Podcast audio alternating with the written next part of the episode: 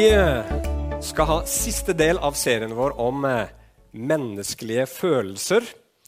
Neste søndag har jeg tenkt å begynne på en ny serie om Galaterbrevet. Vi skal gå gjennom Galaterbrevet. Et fantastisk brev i Det nye testamentet som inneholder så mye kraft og dynamitt. Både for å forstå hvor stort det Jesus har gjort gjennom tilgivelsen her, men også det nye livet vi har fått del i gjennom det Jesus har gjort. Så det ser jeg veldig veldig fram til. Men før det så må vi ned i depresjonens dype dal. Vi skal nemlig snakke om depresjon i dag. Dette er den siste følelsen som jeg skal bruke litt tid på. Og Depresjon det er jo noe som mennesker, de fleste mennesker på en eller annen måte tror jeg kan erfare. Noen i veldig stor grad, noen i mindre grad. Men eh, depresjon er en realitet for veldig, veldig mange mennesker. Man kan beskrive det som en negativ sinnstilstand hvor en følelse av meningsløshet, håpløshet, verdiløshet preger både resten av følelseslivet ditt, preger tankene dine og til og med preger handlingene. Hvordan blir man deprimert? Deprimert kan ha mange, depresjon kan ha mange forskjellige årsaker. Du kan bli deprimert av eh, rett og slett fysiske eller fysiologiske årsaker. Du kan bli deprimert pga. sykdom. Eh, du kan bli av hormonubalanse. Fødselsdepresjon er noe som heter. Eh, hvis du ikke får nok søvn, så kan du bli deprimert. Så det kan være helt sånne fysiske årsaker. Det kan være vanskelige ting som skjer i livet ditt, som kan bringe fram depresjon. Det kan være f.eks. at du mister jobben din. Det kan være et samlivsbrudd. Det kan være død i nær familie, eller sykdom også, som ikke går direkte liksom, på eh, liksom, stoffene i hjernen din, men bare at du blir syk og ikke kan gjøre de tingene du gjorde før. Så kan det også forårsake depresjon. Og Noen ganger så kan mennesker bli deprimerte uten at man klarer helt å peke på noen sånn definitiv årsak. Noen spesifikke årsak. Men da kan det også noen ganger ut fra et bibelsk perspektiv være rett og slett åndelige krefter som er inne i bildet, og som skaper depresjon i menneskers liv. Og Ifølge statistikk da, som jeg har lest, så er det ca. én av ti nordmenn som til enhver tid lider av depresjon. Og Ifølge den siden jeg sjekka, så, så var det et, vokser, det et voksende problem. Så det betyr at dette her er et aktuelt tema. Selv om kanskje ikke du som sitter her, opplever depresjon akkurat nå, så har du kanskje gjort det før, eller du kommer kanskje til å gjøre det. Eller Kanskje du kommer i kontakt med mennesker som selv lider med det. Og Da tror jeg det her kan være til hjelp. Vi skal nemlig se på hva Bibelen sier om depresjon. Og hva sier Bibelen om depresjon? Vel, depresjon er ikke et ord du finner noen plass i Bibelen. Men det vi skal se, er at Bibelen kjenner til fenomenet depresjon. Bibelen vet hva depresjon er for noe, selv om ordet ikke ble brukt på den tiden som Bibelen ble skrevet. Og, eh, og Bibelen skal, skal, som vi skal se, både gi oss litt psykologisk innsikt. altså Bibelen forstår hvordan vi mennesker fungerer. Det er veldig bra. Og ikke nok med det, vi skal få åndelig innsikt om depresjon og hvordan komme ut av det. Og Det vi skal gjøre nå, det er at vi skal gå til den mørkeste salmen i hele Salmenes bok. Er det noen som vet hvilken salme det er? Det er ikke så veldig ofte vi løfter de fram. liksom. Ja, Nå skal vi lese den mørkeste av alle salmene, men det er salme 88. På engelsk så kalles den for The Dark Psalm. Den mørke salmen. Så Har du med deg Bibel, så kan du slå opp der. Og så skal vi lære tre ting i dag om depresjon. For det første, depresjon forvrenger virkeligheten. Og for det andre, depresjon åpenbarer en dypere virkelighet. Og til slutt punkt nummer tre depresjon er ikke endelig med Jesus. Ok, Salme 88. I Jesu navn leser vi den. Der står det en sang, en salme av Koras sønner, til sangmesteren, til Mahalat Leamot, en læresalme av esraiten Heman. Herre, min frelses Gud, dag og natt har jeg ropt til deg. La min bønn nå fram til deg. Bøy ditt øre til mitt skrik, for min sjel er mett av lidelser, og mitt liv nærmer seg dødsriket. Jeg regnes blant dem som farer ned til avgrunnen. Jeg er som en mann uten kraft. Forlatt blant de døde, lik de drepte som ligger i graven, som du ikke lenger minnes, og som er avskåret fra din hånd. Du har lagt meg i den dypeste avgrunn, i mørket i dypene. Din harme hviler tungt på meg, og du har knuget meg ned med alle dine brenninger. Sela. Du har tatt mine kjente langt bort fra meg, og du har gjort meg til en styggedom for dem. Jeg er stengt inne, og jeg kan ikke komme ut. Mitt øye tæres bort av elendighet. Herre, jeg har kalt på deg hver dag. Jeg har rakt mine hender ut til deg. Vil du gjøre under for de døde? Skal de døde stå opp og prise deg, Sela? Blir din miskunn forkynt i graven, eller din trofasthet i fortapelsen? blir dine under kjent i mørket og din rettferdighet i glemselens land. Men jeg, Herre, jeg la mitt nødrop nå til deg. Om morgenen kommer min bønn fram for deg. Herre, hvorfor støter du min sjel bort? Hvorfor skjuler du ditt ansikt for meg? Jeg er blitt plaget og vært døende fra min ungdom av. Jeg lider under din gru. Jeg er fortvilet. Din brennende vrede har slått over meg. Din gru har gjort ende på meg. De omsluttet meg hele dagen langt som vann. De omringet meg i samlet flokk. Både den kjære og vennen har du tatt langt bort fra meg, og mine kjære har du satt i mørket. Og sånn ender salmen. Kjære himmelske Far. Herre, nå ber jeg om at du skal ved din hellige ånd la disse ordene, Herre, som er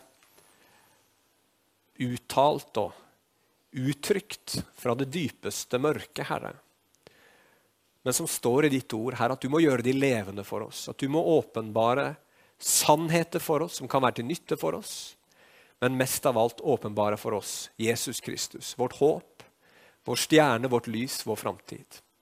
Herre, hjelp meg i dag igjen å kunne tale eh, som jeg bør etter ditt ord og med din Hellige Ånds kraft. Og hjelp oss alle sammen å ta imot ditt ord nå i Jesu navn. Amen. Ja, det var litt av en salme. Den er nokså mørk. Han er fortvila. Og la du merke til hvordan den slutta. De aller fleste salmene de begynner ofte sånn, med nød og uro. Men så liksom varmer denne her salmisten seg opp tydeligvis gjennom salmen. Og så begynner han å bli liksom litt mer varm og, og kommer på hvem Gud er, og så avslutter veldig ofte salmene med håp og lovprisning. Men ikke den salmen her. Og faktisk på hebraisk så er det aller siste ordet i salmen mørke. Det er det aller siste ordet som salmen avslutter med. Eh, den er skrevet av en som heter Heman. Eh, det kan hende det er den samme Heman som du leser om i 2. krønikebok 5, som var en lovsangsleder faktisk, i eh, tempelet på Salomon sin tid. Men vi vet ingenting om bakgrunnen. Vi vet ikke hvorfor eller hva som har skjedd da Heman skrev denne salmen, men det er tydelig at han er i en vanskelig tid. Det er klart. Det kan virke som han, eller det er også tydelig at han opplever ensomhet og være isolert. Og det er også godt mulig at han opplever sykdom. Og Derfor så ber Heman Gud om hjelp i denne salmen. Han beskriver hvor ille han har det, og så anklager han Gud for å forårsake de problemene som han har, og ikke gripe inn når han burde. Det er det liksom salmen handler om. Og dette her er ganske sterke ord.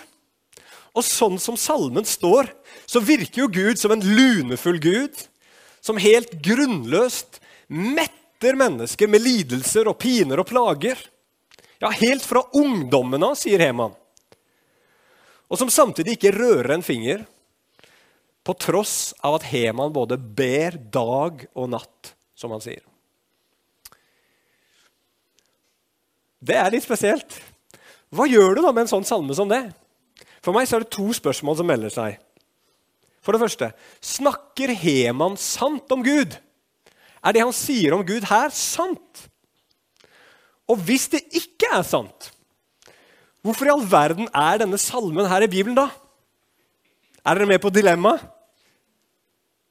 For Bibelen er jo Guds ord til oss, ikke sant? som skal være sant fra ende til annen. Summen av Guds ord er sannhet. Så hva er svaret på det dilemmaet der? Vel, Jeg har tenkt litt på det, bedt litt over det. Jeg tror svaret er såpass enkelt som det her. Den salmen her snakker ikke helt sant om Gud. Og det gjør den ikke, for den stemmer ikke med det resten av Bibelen forteller oss om Gud. Han sier Heman at han har ropt til Gud dag og natt, og Gud bryr seg ikke. Men Jesus sier i Lukas 19 at er Gud sen med å oppfylle løftet for dem som roper til han dag og natt? Nei, sier Jesus. Han er ikke sen. Han hører. Og Hvis du ser litt nøyere på salmen, nå, så skjønner du at den kan nok ikke være helt sann om Heman heller. For Heman han snakker som han allerede var i dødsriket. han. I det dypeste mørket, sier han han er. Er Heman i det dypeste mørket? Nei. Og Det virker som om Heman også her sier at han har vært, fra han var ung, så har han bare hatt plager gjennom hele livet sitt. Og det også er det gode grunner til å tvile på. Men da får vi et annet problem. da. Hvis dette ikke er en helt sannferdig beskrivelse av hvem Gud er, hvorfor i all verden står da denne salmen i Bibelen? Jo, fordi vi allikevel kan si at den er sann. Fordi det er sånn Heman opplever sin situasjon. Det er sannheten om hans erfaring. Og Det er veldig viktig når vi leser salmen at vi forstår at her er det mennesker som uttrykker noe.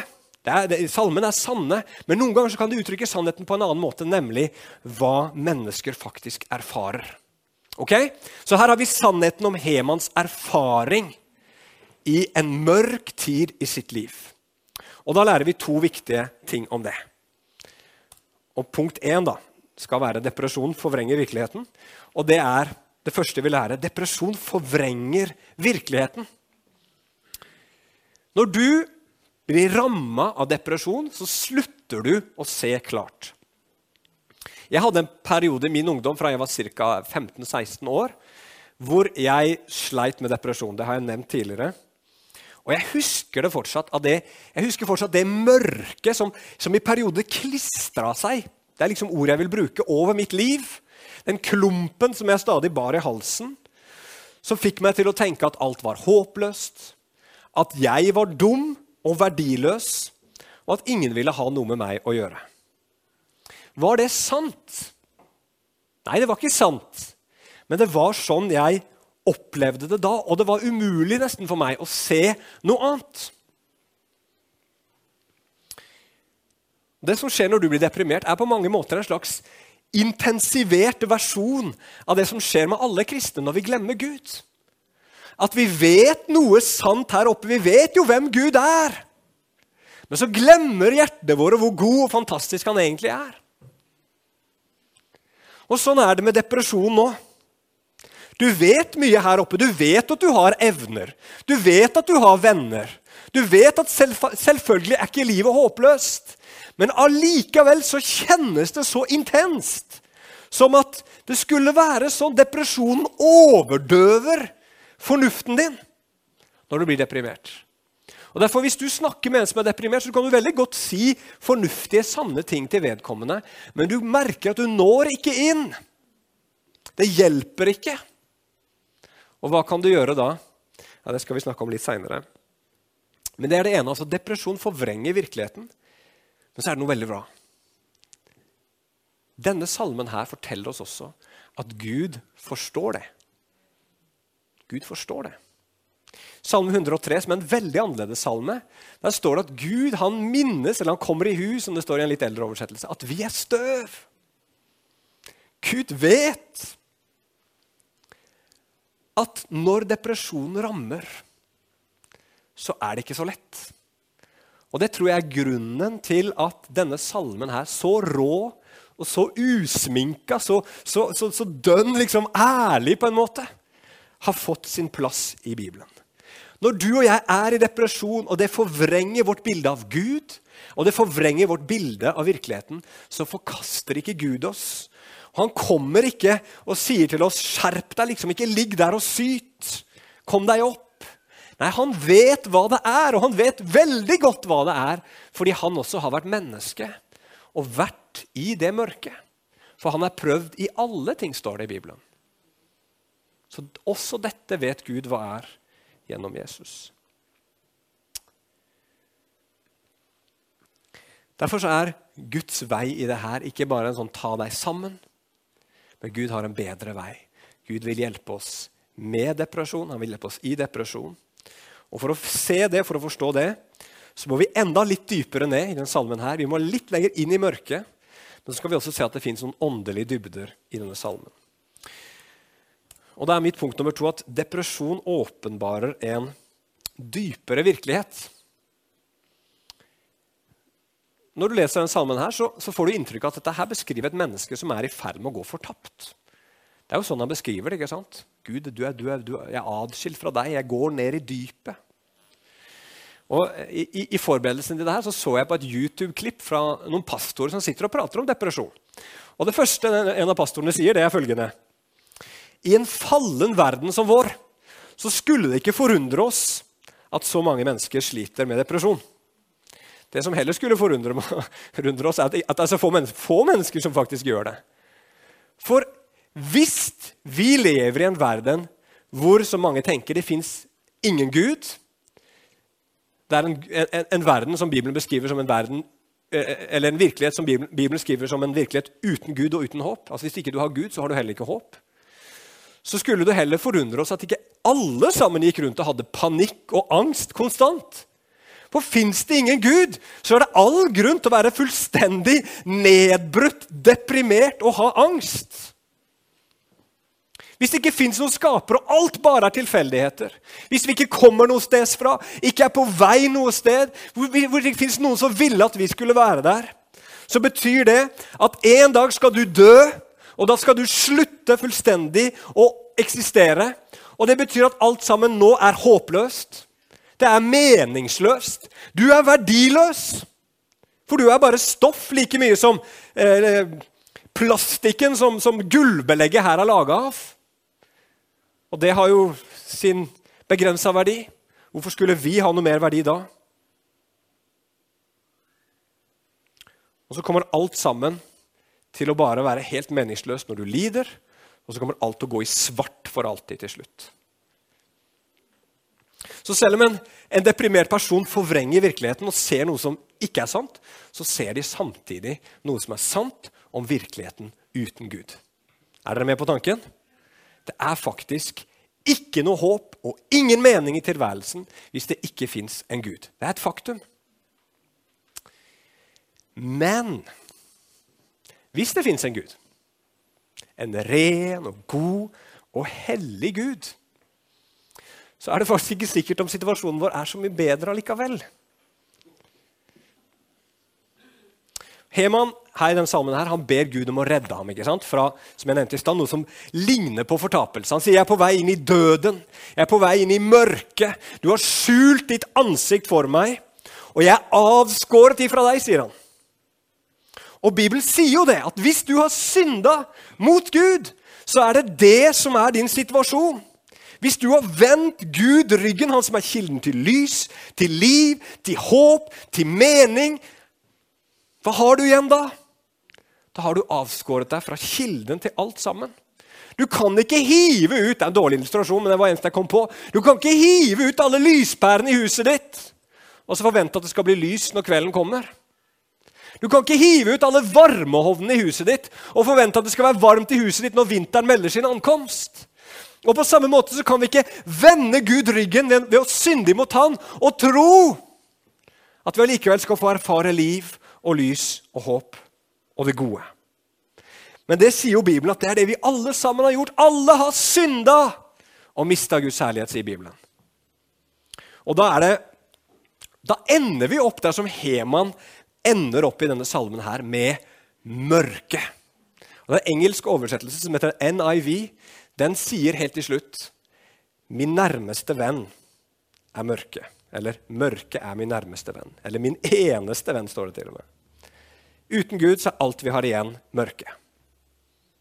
Når vi vender oss bort ifra Han, så har vi ingenting annet enn mørke igjen.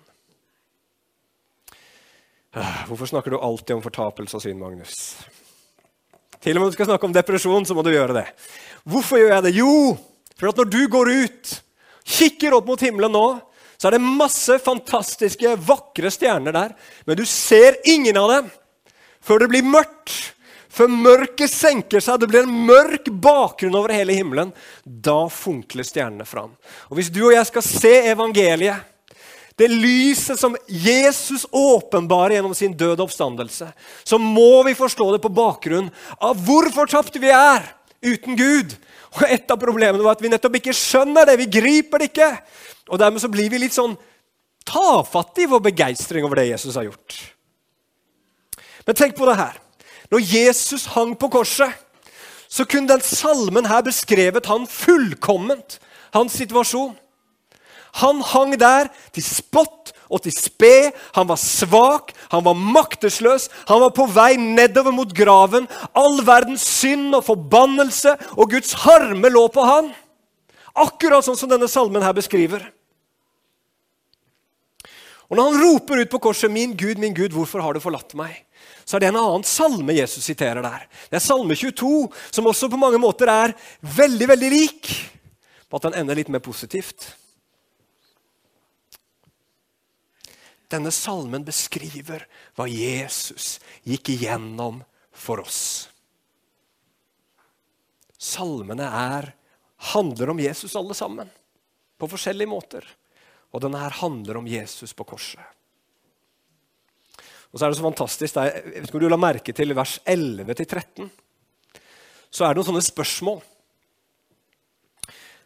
Heman han, han, han, er på vei nedover. Han kjenner at dette her går bare feil vei.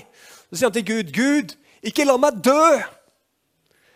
For vil du gjøre under for de døde? sier han. Skal de døde stå opp og prise deg? Blir din miskunn forkynt i graven, eller din trofasthet i fortapelsen? Gud, du må ikke la meg dø, for hvis jeg dør, da er alt håp ute. Og de som leste denne her på Heman sin tid, tenkte ja, det er sant. Når, det er, når, når døden er kommet, da er det alt, det er alt håp ute. Da er det slutt.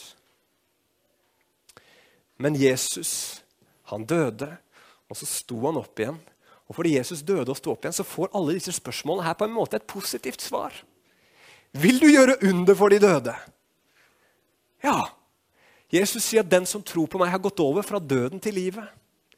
Skal de døde stå opp og prise deg? Ja, vi skal stå opp en dag vi skal leve om vi enn dør. Skal vi stå opp en dag? Skal vi prise Jesus den dagen han kommer igjen? Det snakker 1. Korinterbrev 15 om. Blir din miskunn forkynt i graven? Jeg tenker Når Jesus farer ned til dødsriket og har sagt det fullbrakt og sona alle våre synder, så, så går han ned der i dødsriket som en forkynnelse på at Gud har forsona verden med seg selv.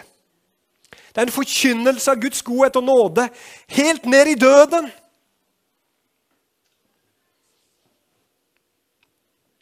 Han døde for absolutt alle mennesker. For så høyt har Gud elska verden, at han ga sin sønn den eneste. For at hver den som tror på ham, ikke skal gå fortapt.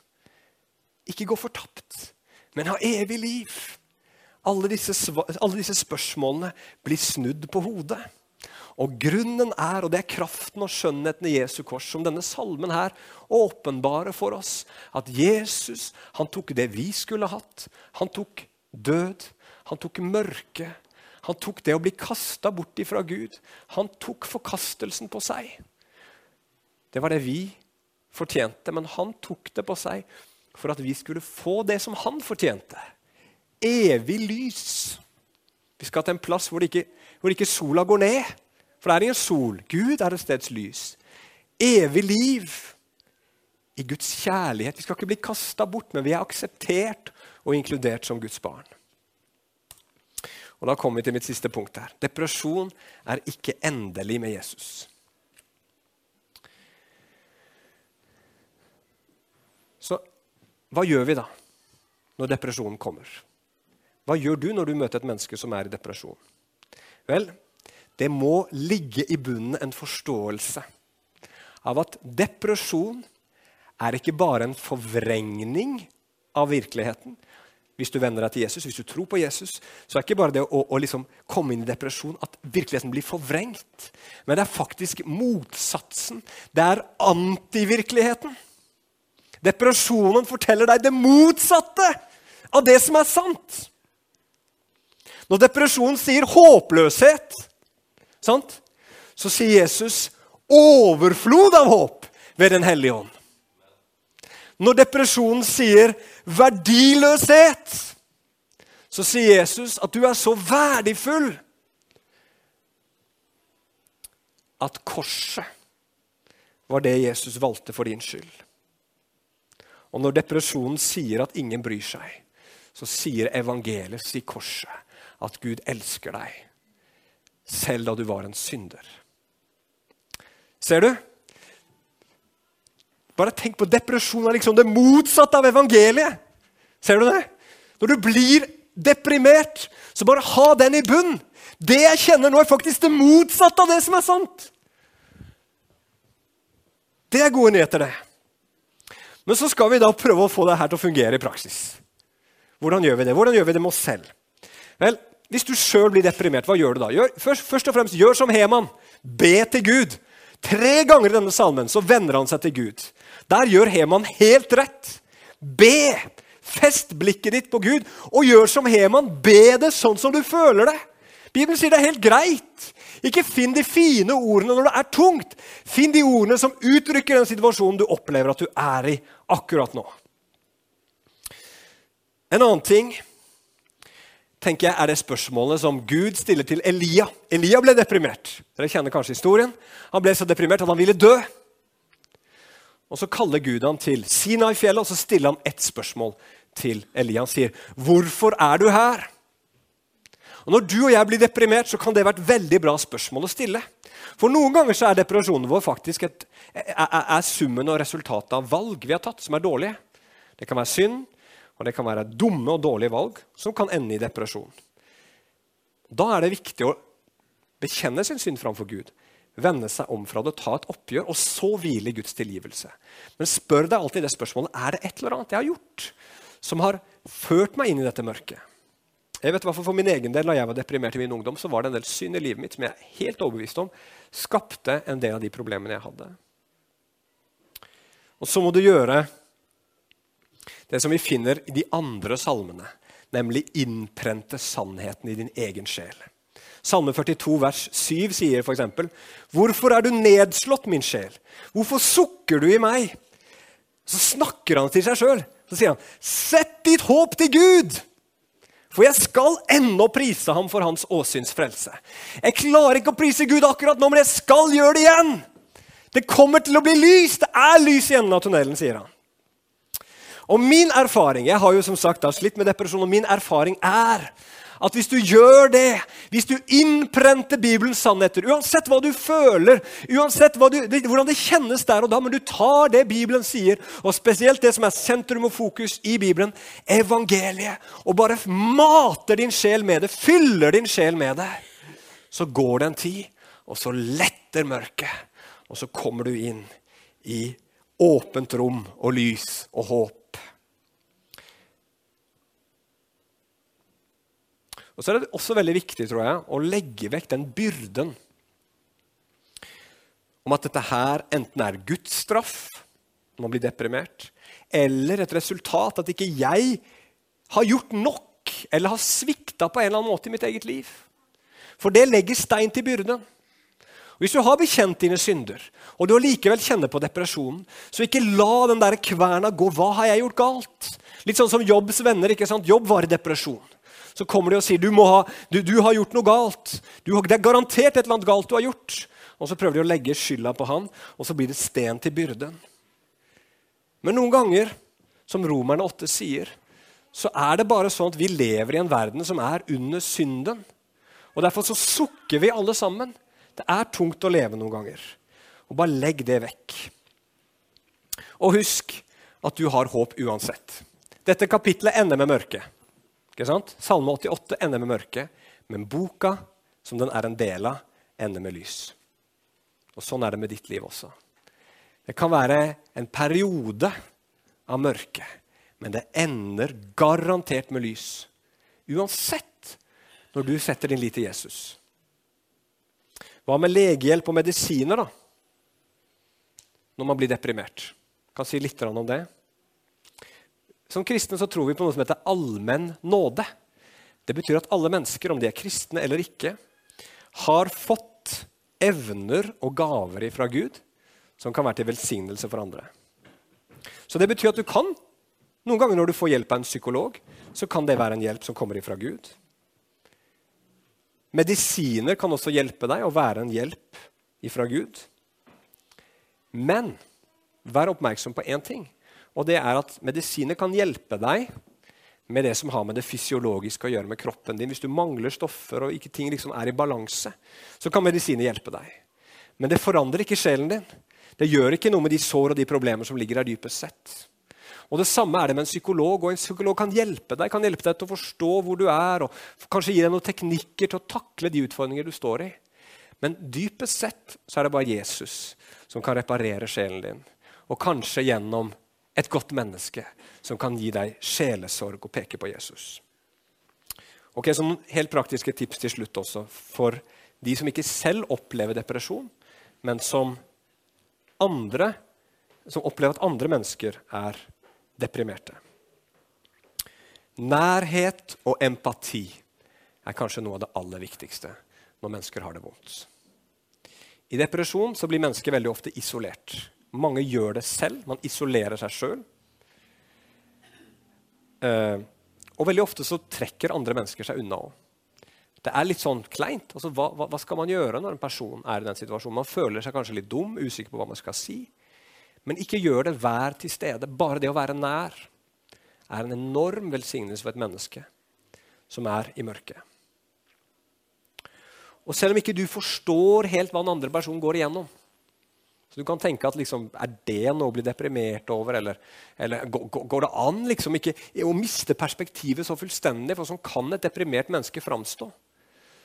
Så ikke liksom ta den der holdninga nå, nå, må du ta deg sammen. liksom. Her, det, du burde kunne vite bedre enn det her. Nei, vær empatisk. Mennesker er forskjellige.